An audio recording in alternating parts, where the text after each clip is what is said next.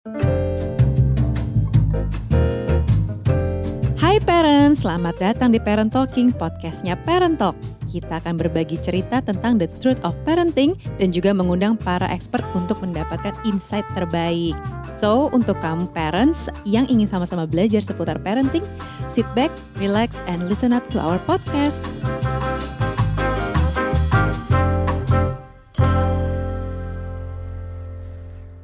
Halo parents, apa kabar? Kembali di podcastnya Parent Talk, Parent Talking. Apa kabar? Mudah-mudahan baik-baik aja.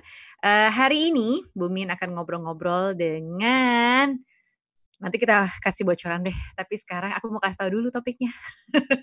kita mau ngobrolin soal mengajarkan anak dengan metode Montessori.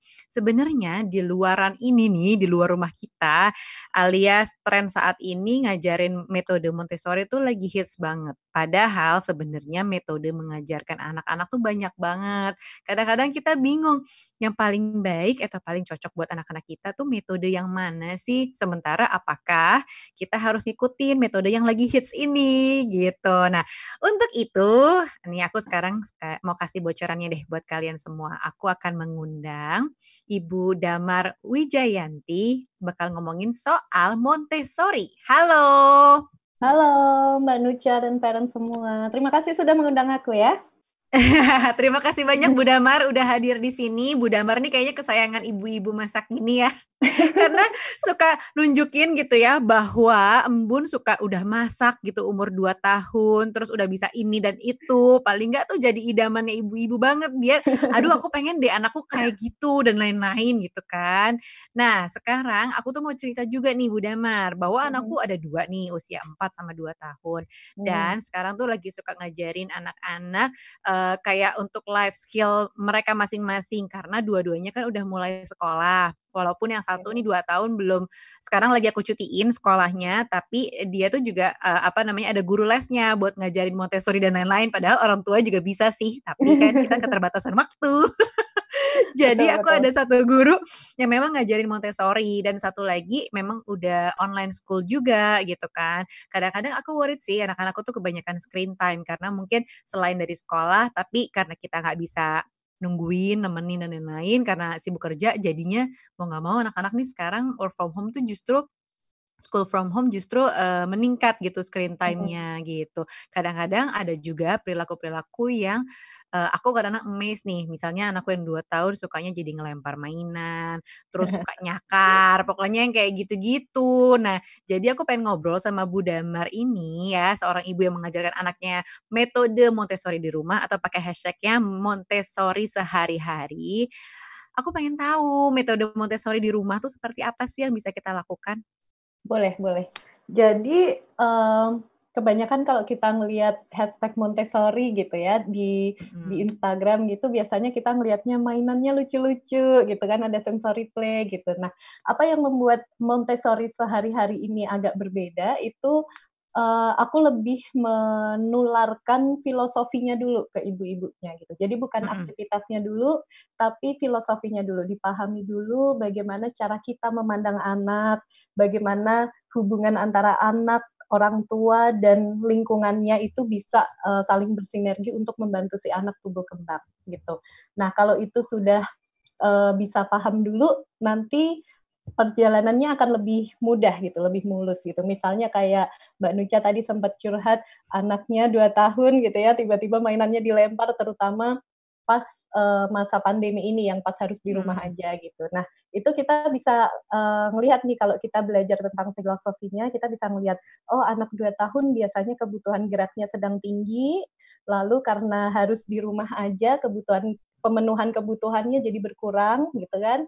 Nah, akhirnya apa? Akhirnya pas dia dipertemukan dengan mainan, dia menggunakan mainannya dengan cara yang tidak semestinya karena yang dia butuhkan adalah pelampiasan kebutuhan gerak gitu. Jadi yang harusnya main dengan jari-jarinya, dia main dengan lengannya yang harus digerakin gitu. Makanya okay. mainannya dilempar gitu. Kadang-kadang emang kita ngelihatnya dari sisi yang berbeda ya, alias dari sisi emosinya aja gitu. Aduh kenapa sih nih kok mukul-mukul, kok nih ngelempar-ngelempar gitu.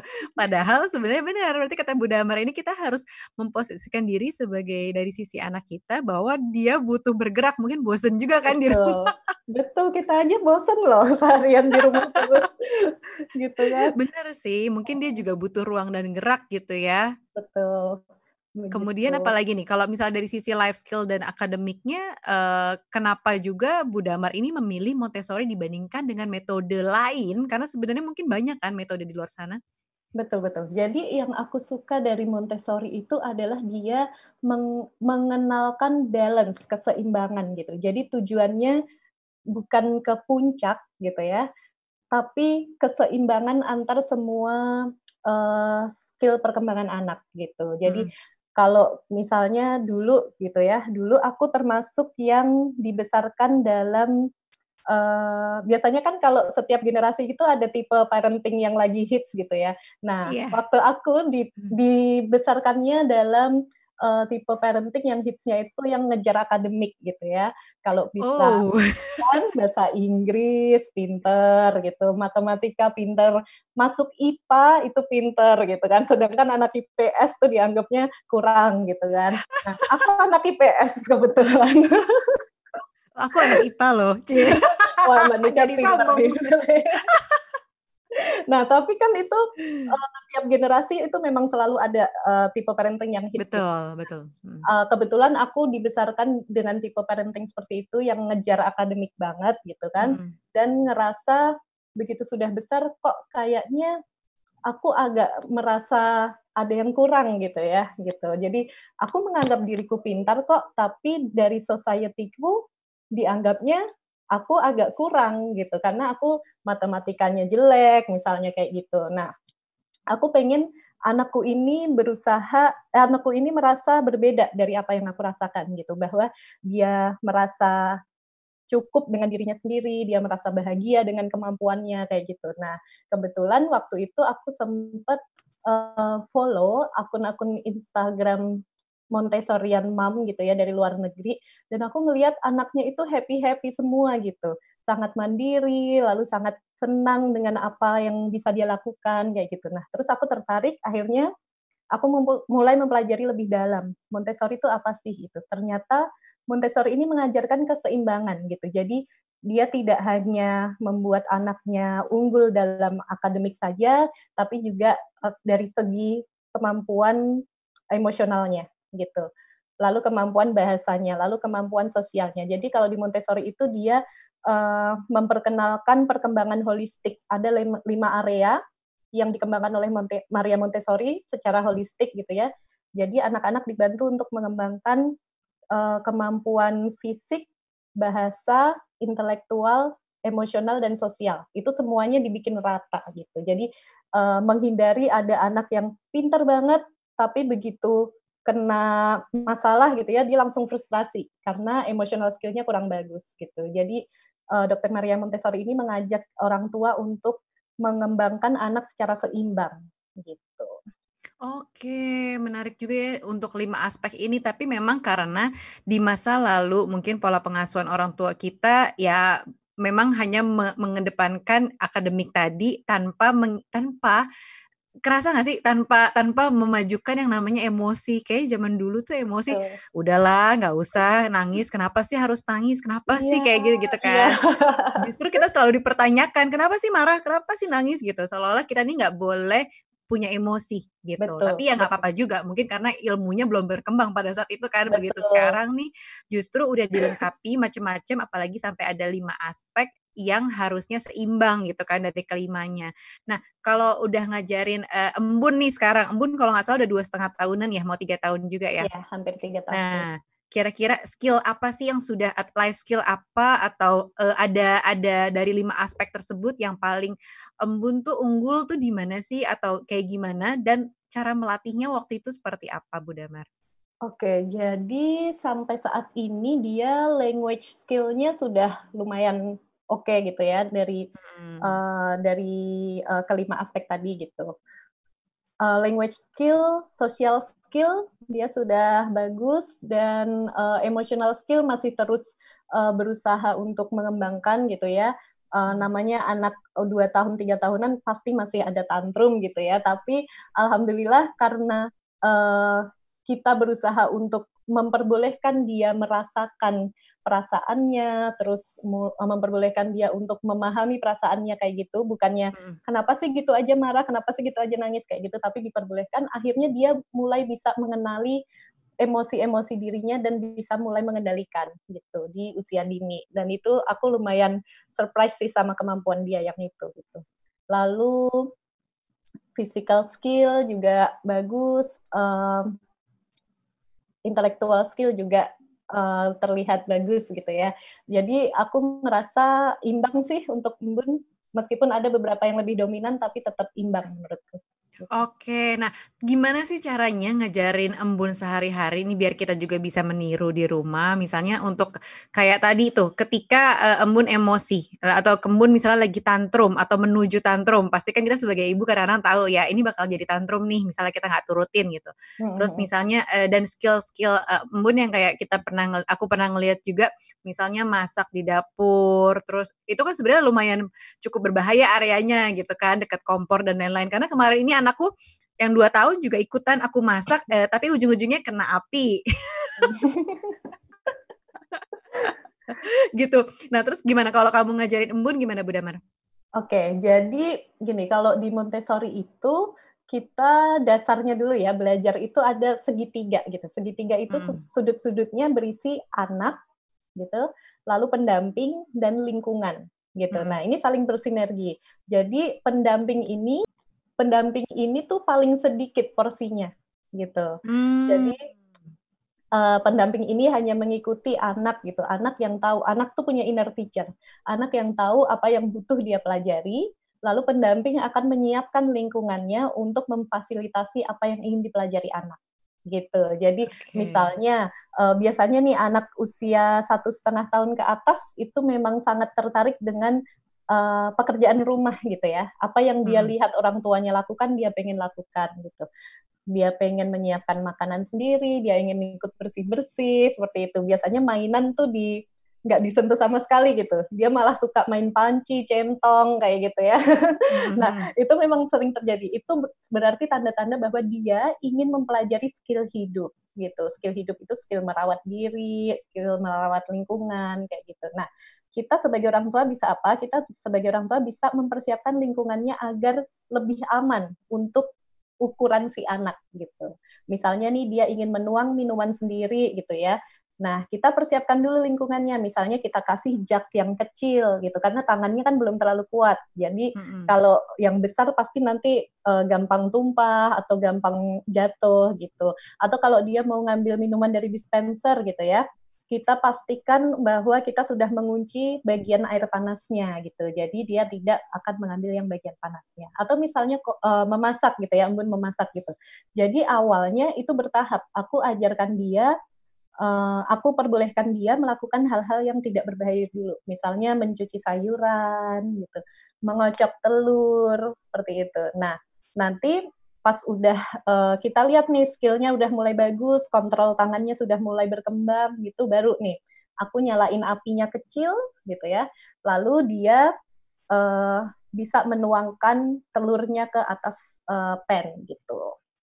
Nah okay. nanti dia, uh, jadi ada bagian-bagian uh, yang sudah bisa kita perkenalkan, ada yang belum gitu. Jadi uh, ada kalau di Montessori ada yang namanya freedom with limitation gitu. Jadi kamu boleh belajar sesuatu tapi ada limitnya. Limitnya itu adalah satu tidak menyakiti diri sendiri, dua tidak menyakiti orang lain, tiga tidak menyakiti lingkungan, tidak merusak lingkungan, empat tidak merusak material, dan lima harus sesuai dengan tahap tumbuh kembang gitu. Jadi selama tidak melanggar lima aturan itu, kita bantu dia penuhi keinginan untuk belajarnya. Gitu. Oke, menarik banget. Iya ya, aku juga sebenarnya nggak nggak pelan-pelan. Kalau kamu tadi bertahap gitu ya, Bu Damar ya, mm-hmm. dari cuci sayuran, bla bla bla gitu kan, sampai akhirnya baru memasak uh, di pan. Nah, kalau aku langsung masuk ke pen. Makanya anakku coba-coba masukin tangannya ke dalam api gitu. Eh kena beneran. Tapi dia jadi belajar loh. Besok lagi nggak pegang api. bener, bener, bener jadi belajar sih. Dia jadi tahu dan aku selalu mengulang sih. Oke kemarin kena apanya? Api. Api rasanya apa? Panas. Jadi dia tahu rasanya. Jadi begitu kita masuk dapur lagi besokannya dia mencoba tapi memang nggak pegang-pegang lagi tuh apinya gitu. Tapi anak-anak biasanya bisa diajarkan dengan metode ini dari umur berapa, Bu Damar? Dari hari pertama dia hidup ke dunia, gitu. Jadi sebenarnya yang banyak belajar dari metode Montessori itu adalah orang tuanya, gitu. Metode Montessori ini membantu orang tua melihat anak dari perspektif yang berbeda, gitu. Yang tadinya ngelihat bahwa anak ini adalah lembaran kosong yang harus kita isi gitu ya sebagai orang tua kita mengisi lembaran kosong anak gitu. Tapi dengan Montessori ini kita jadi mengerti bahwa anak itu terlahir sudah membawa blueprint. Dia tidak sekosong hmm. itu gitu. Sudah membawa blueprint, dia uh, dia akan memenuhi tujuan hidupnya sendiri, bukan tujuan hidup yang diinginkan oleh orang tuanya. Nah, nah setelah paham tentang itu, baru deh orang tuanya akan mengerti bahwa apa pun yang dilakukan anak, apa pun tingkah laku anak itu ada tujuannya. Tujuannya adalah memenuhi tuju memenuhi kebutuhan tumbuh kembang sesuai blueprint yang dia bawa dari lahir itu.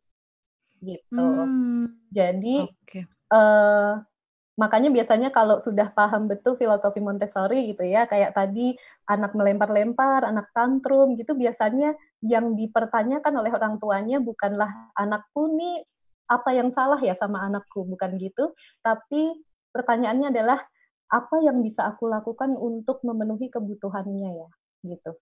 Sepertinya perilaku ini tuh terjadi karena ada kebutuhan yang tidak terpenuhi. Nah, aku bisa bantu apa nih? Mungkin menyiapkan lingkungannya biar dia punya kesempatan untuk bebas bergerak, mungkin akunya yang terlalu melarang-larang, jadi aku perlu mundur sedikit seperti itu. Jadi Montessori ini membuat kita memiliki kacamata yang berbeda gitu. Dan iya sih menarik banget. Jadi intinya adalah kita harus melihat ke diri kita dulu, melihat ke dalam Betul. apa yang bisa kita bantu buat anak kita ketimbang ya memang benar sih. Kadang-kadang kita ngelihatnya kan keluar, "Duh, anakku kenapa sih kok kayak gini? Duh, anakku kok tantrumnya gini banget." Kadang-kadang kita justru ngelihat keluar alias ngelihat ke anak kita gitu ya. Padahal benar juga sih. Itu ini nih hal yang mungkin mudah tapi terlupakan gitu bahwa apa yang bisa kita bantu anak kita supaya dia bisa mengeluarkan emosinya atau Betul. apa yang bisa kita fasilitasi buat anak kita supaya tumbuh kembangnya itu optimal gitu ya. Nah, ini catatan nih buat para parents ya. Coba menilik ke dalam. Kalau selama ini kita banyak mengeluhkan keluar alias ke anak kita, kok gini ya, kok gini ya, kok gitu ya gitu kan. Iya, betul.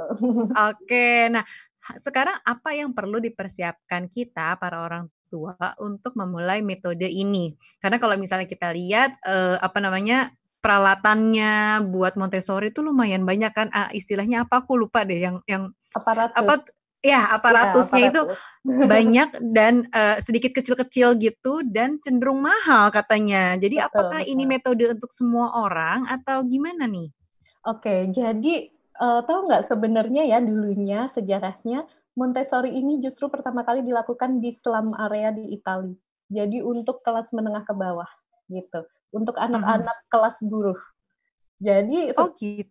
Iya, jadi sebenarnya ini bukan sebuah metode pendidikan untuk orang menengah ke atas aja gitu. Justru orang menengah ke atas tuh baru mengadopsi setelah mereka melihat bagaimana anak-anak kelas menengah bawah ini di dibimbing oleh Dr. Maria Montessori dan hasilnya menakjubkan gitu. Nah, jadi uh, kenapa aparatusnya mahal gitu ya? Memang aparatusnya mahal karena memang itu didesain oleh Dr. Maria Montessori sedemikian rupa alat-alatnya itu punya control of error. Jadi anak-anak tuh bisa mengetahui sendiri kesalahannya dan memper, memperbaiki dirinya sendiri itu. Nah, tapi itu adalah uh, aparatus itu sifatnya tidak wajib di rumah tapi wajib di sekolah Montessori gitu. Karena kalau sekolah itu ada standar yang harus dipenuhi gitu ya. Tapi kalau di rumah justru disarankan untuk kecuali homeschooling ya. Tapi kalau nggak homeschooling gitu justru disarankan untuk tidak uh, memberikan aparatus Montessori secara berlebihan gitu. Karena nantinya kalau dia sekolah di sekolah Montessori juga di sekolah jadi nggak terlalu menarik lagi gitu. Hmm. Nah, jadi uh, kalau uh, Simon Simon Davis Simon Davis itu salah satu penulis uh, buku Montessori yang uh, cukup terkenal gitu ya dia menyarankan kalau di rumah sebaiknya uh, perbanyak eksplorasi di lingkungan rumah aja gitu eksplorasi lingkungan rumah itu adalah sebuah pembelajaran agar anak itu benar-benar mengerti lingkungan tempat tinggalnya itu seperti apa gitu. Nah, sedangkan aparatus itu keep it for the school aja gitu untuk untuk kegiatan di sekolah aja biar di sekolah itu dia tetap punya rasa keingintahuan yang besar untuk mempelajari sesuatu melalui aparatusnya gitu. Jadi yang dipersiapkan pertama adalah menjadi prepared adults dulu gitu ya. Jadi kalau kita sudah mempersiapkan diri kita dengan pengetahuan tentang tumbuh kembang anak, kita akan melihat anak dengan cara yang berbeda. Kita akan menghormati dia sebagai individu yang memiliki tujuan hidup sendiri, keinginan sendiri, dan kebutuhan sendiri yang berbeda dari kebutuhan dan keinginan orang tuanya. Gitu. Jadi kita akan menghormati anak, kita tidak tidak akan memaksakan kehendak kita ke anak-anak kita. Gitu. Nah, lalu yang kedua adalah prepared environment. Jadi kita harus mempersiapkan lingkungan kita, gitu ya, lingkungan di sekitar anak untuk menjadi lingkungan yang uh, membantu anak bisa belajar dengan optimal gitu. Jadi anak-anak itu otaknya seperti spons, dia menyerap banyak hal gitu ya. Nah sayangnya dia nggak bisa tuh nyerapnya milih yang bagus-bagus aja. Dia menyerap semua, bagus, jelek semuanya diserap. Nah itulah pentingnya kita mempersiapkan lingkungannya. Jadi kita pastikan yang diserap oleh anak itu adalah hal-hal yang baik. Misalnya nih, dengan kita selalu bicara atau berperilaku yang baik di dekat anak gitu. Meskipun bicaranya dengan orang dewasa lain, tapi kita pastikan itu yang baik biar diserap anak tuh ya yang baik gitu. Lalu yang kedua, eh, lingkungan yang dipersiapkan itu intinya adalah eh, kita membuat lingkungan kita itu aman untuk dieksplorasi secara mandiri oleh anak gitu. Jadi kuncinya adalah aman dan eksplorasi mandiri gitu. Nah, caranya gimana menyiapkannya? Kita bisa nih uh, jongkok gitu ya. Kita jongkok setinggi anak, lalu kita melihat ke sekeliling kita gitu. Dari ketinggian anakku ini, benda-benda apa aja yang bisa aku lihat dan aku ambil gitu. Karena anak itu adalah explorer, dia pengen ngambil semuanya, pengen mempelajari semuanya gitu ya. Nah, jadi pastikan dengan ketinggian itu kita hanya mendisplay barang-barang yang aman dan boleh dia explore gitu. Jadi misalnya guci-guci mahal singkirin dulu. Tunggu aja dulu ntar lima tahun baru dipajang lagi gitu ya. Lalu benda-benda yang berbahaya, colokan listrik gitu, plaknya ditutup dulu. Lalu benda-benda yang tajam disingkirkan dulu gitu ya. Karena uh, nantinya percuma kita akan akan lebih banyak uh, parent parent child struggle gitu, akan lebih banyak berantemnya kalau kita ngelarang-larang anak. Karena buat anak itu sebuah kebutuhan untuk mengenal dunianya gitu ya. Buat kita itu kayak aduh hati-hati, aduh jangan no stop dan lain sebagainya gitu ya. Nah, itu akan lebih terbantu jika kita sudah mempersiapkan lingkungannya. Jadi kita jadi punya mindset more yes less no gitu kalau kita sudah yakin bahwa lingkungannya ini aman untuk dia explore. Gitu. Oke, jadi emang kita harus siap dulu sebagai orang tua gitu ya, bahwa kadang-kadang nih, ini mungkin hal yang masih tadi tuh terkait dengan hal simpel tapi agak terlupakan gitu sama kita bahwa kita harus menghormati anak kadang-kadang kita merasa bahwa karena kita yang melahirkan kita yang berkuasa atas dia gitu kan. Iya, jadi betul, betul. kita berusaha untuk menghormati anak kita dan kemudian menciptakan lingkungan yang memang beneran aman juga buat sisi anak-anak ya dengan cara ya kita jongkok tadi biar tahu uh, apa namanya eye, uh, matanya dia tuh eye levelnya semana sih gitu kan.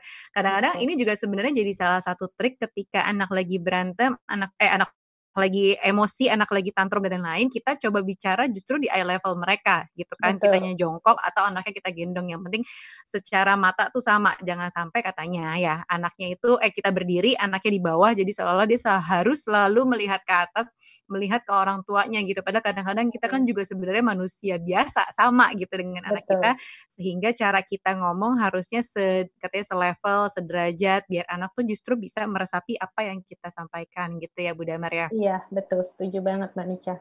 Oke. Nah, ini kan dari dari dari metode yang tadi, eee, Maria Montessori gitu ya, terus, eee, ada nggak sih do's and don'ts-nya dalam menerapkan metode ini? Oke. Jadi, eee, do's and don'ts ini aku share aja, eee, salah kaprahnya parents kalau baru pertama kali ini kali ya. Oke, boleh boleh, menarik banget tuh.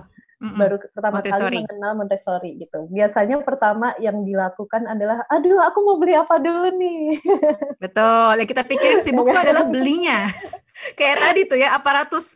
Aparatus, beli di mana, terus, eee, aduh beli step stool, beli, eee, tempat buat cuci tangan, gitu kan. Iya, bener.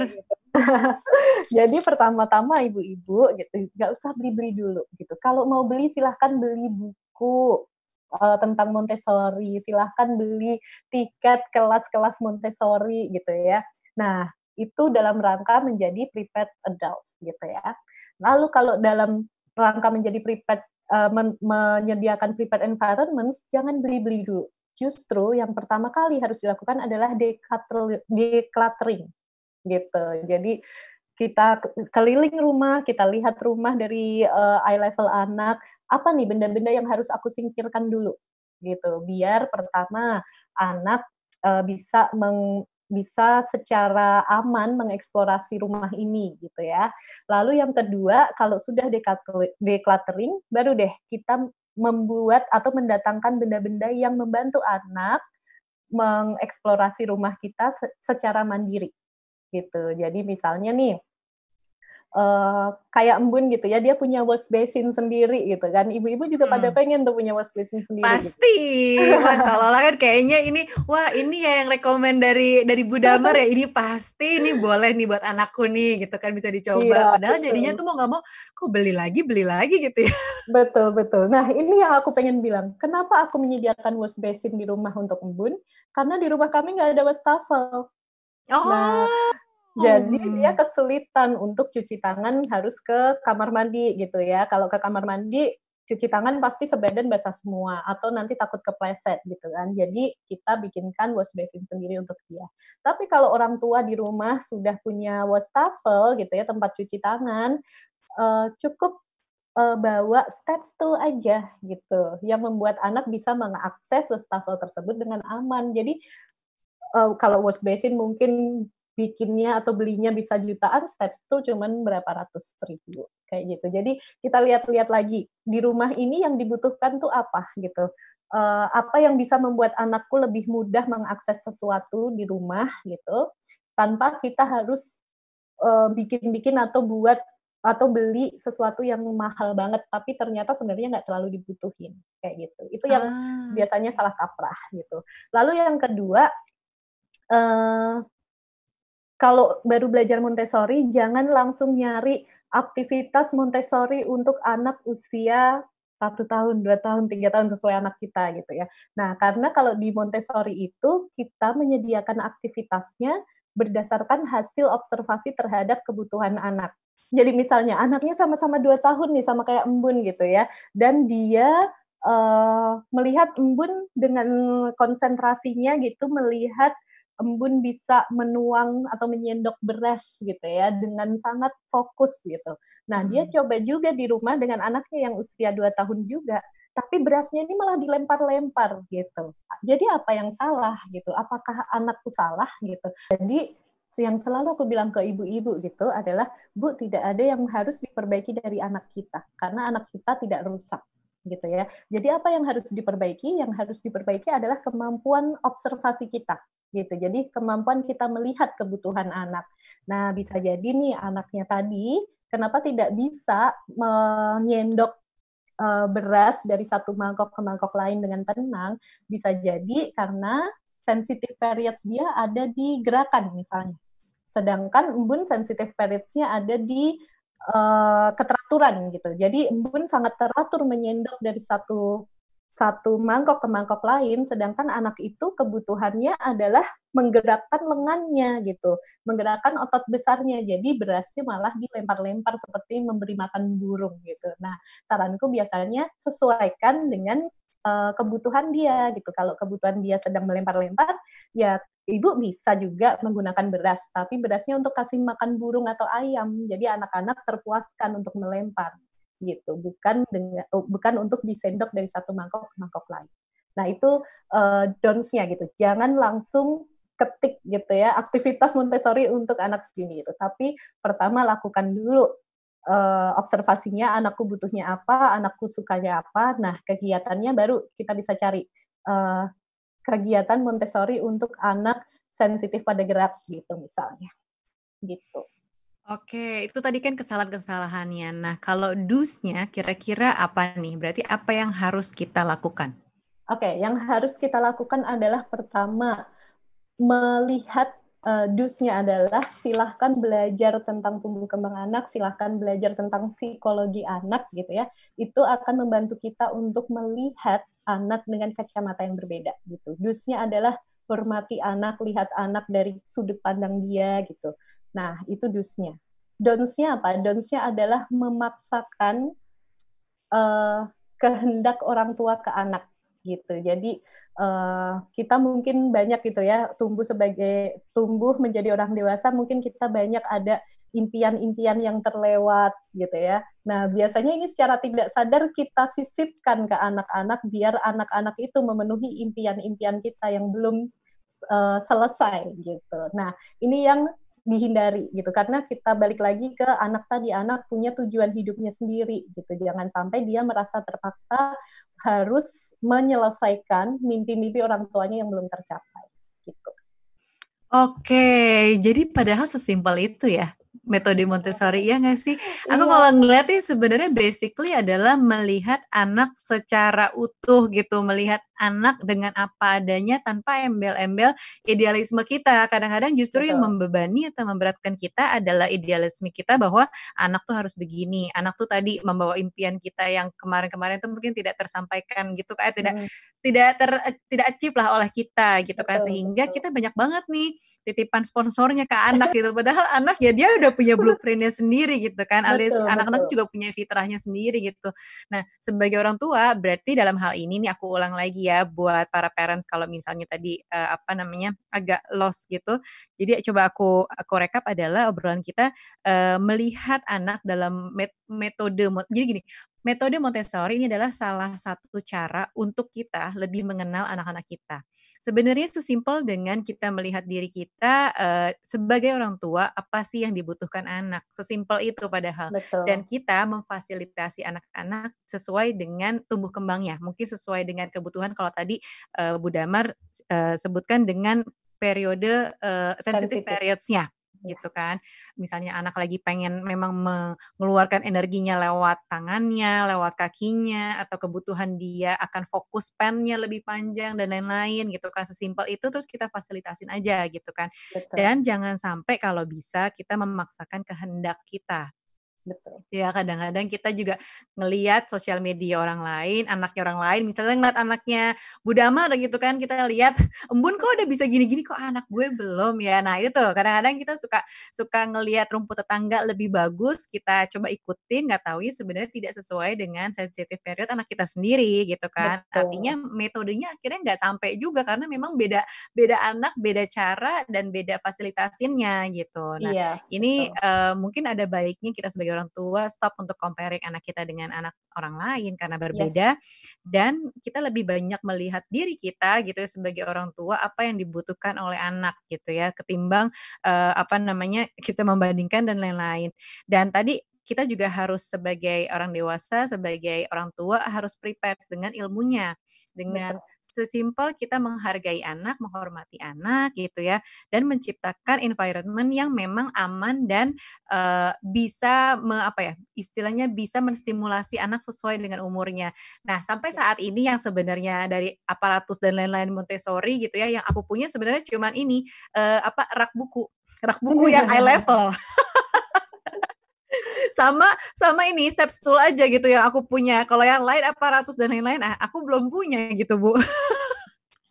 it's okay, it's okay. Jadi sebenarnya kalau di rumah gitu ya, anak-anak hmm. justru aku sarankan nih untuk belajar banyak hal yang dari rumah dulu aja gitu. Jadi ini, kenapa Dokter Maria Montessori itu membuat kelasnya sedemikian rupa? Jadi kalau uh, mungkin Google gitu ya, kelas Montessori itu seperti apa gitu, beda dengan kelas-kelas uh, sekolah uh, konvensional gitu ya. Kenapa Dokter Maria Montessori dulu menyediakannya seperti itu gitu? Karena dia justru ingin mereplika rumah, mendatangkan rumah ke sekolah. Mm -hmm. Biar anak-anak itu belajar tentang rumah itu bagaimana, cara cara kita bekerja di rumah itu seperti apa kayak gitu. Jadi nggak perlu pusing-pusing kita pengen merubah rumah kita menjadi sebuah sekolah Montessori gitu ya. Cukup uh, bikin lingkungan rumah kita aman untuk dieksplorasi secara mandiri. Udah itu that's Montessori enough gitu untuk di rumah. Nah, setelah kita ikutin, um, metode Montessori ini, kira-kira ada nggak sih tolak ukurnya nih Bu Damar atau indikator kita untuk menilai anak kita tuh udah udah sesuai dengan metode ini? Oke, jadi aku ini me mengambil quote dari Dr. Maria Montessori kali ya gitu. Jadi salah satu tes untuk me, untuk mengetahui apakah yang kita lakukan ini metodenya sudah benar atau belum adalah dilihat dari kebahagiaan si anak gitu. Jadi kita lihat mukanya apakah dia happy dalam sehari itu. Nah, kalau dia happy kemungkinan besar semua kebutuhan tumbuh kembangnya sudah terpenuhi dan tangki cintanya sudah penuh gitu. Jadi, apakah kita sudah benar dalam mendampingi anak? Kita lihat muka anak kita. Apakah dia bahagia di penghujung hari? Nah, itu jawabannya.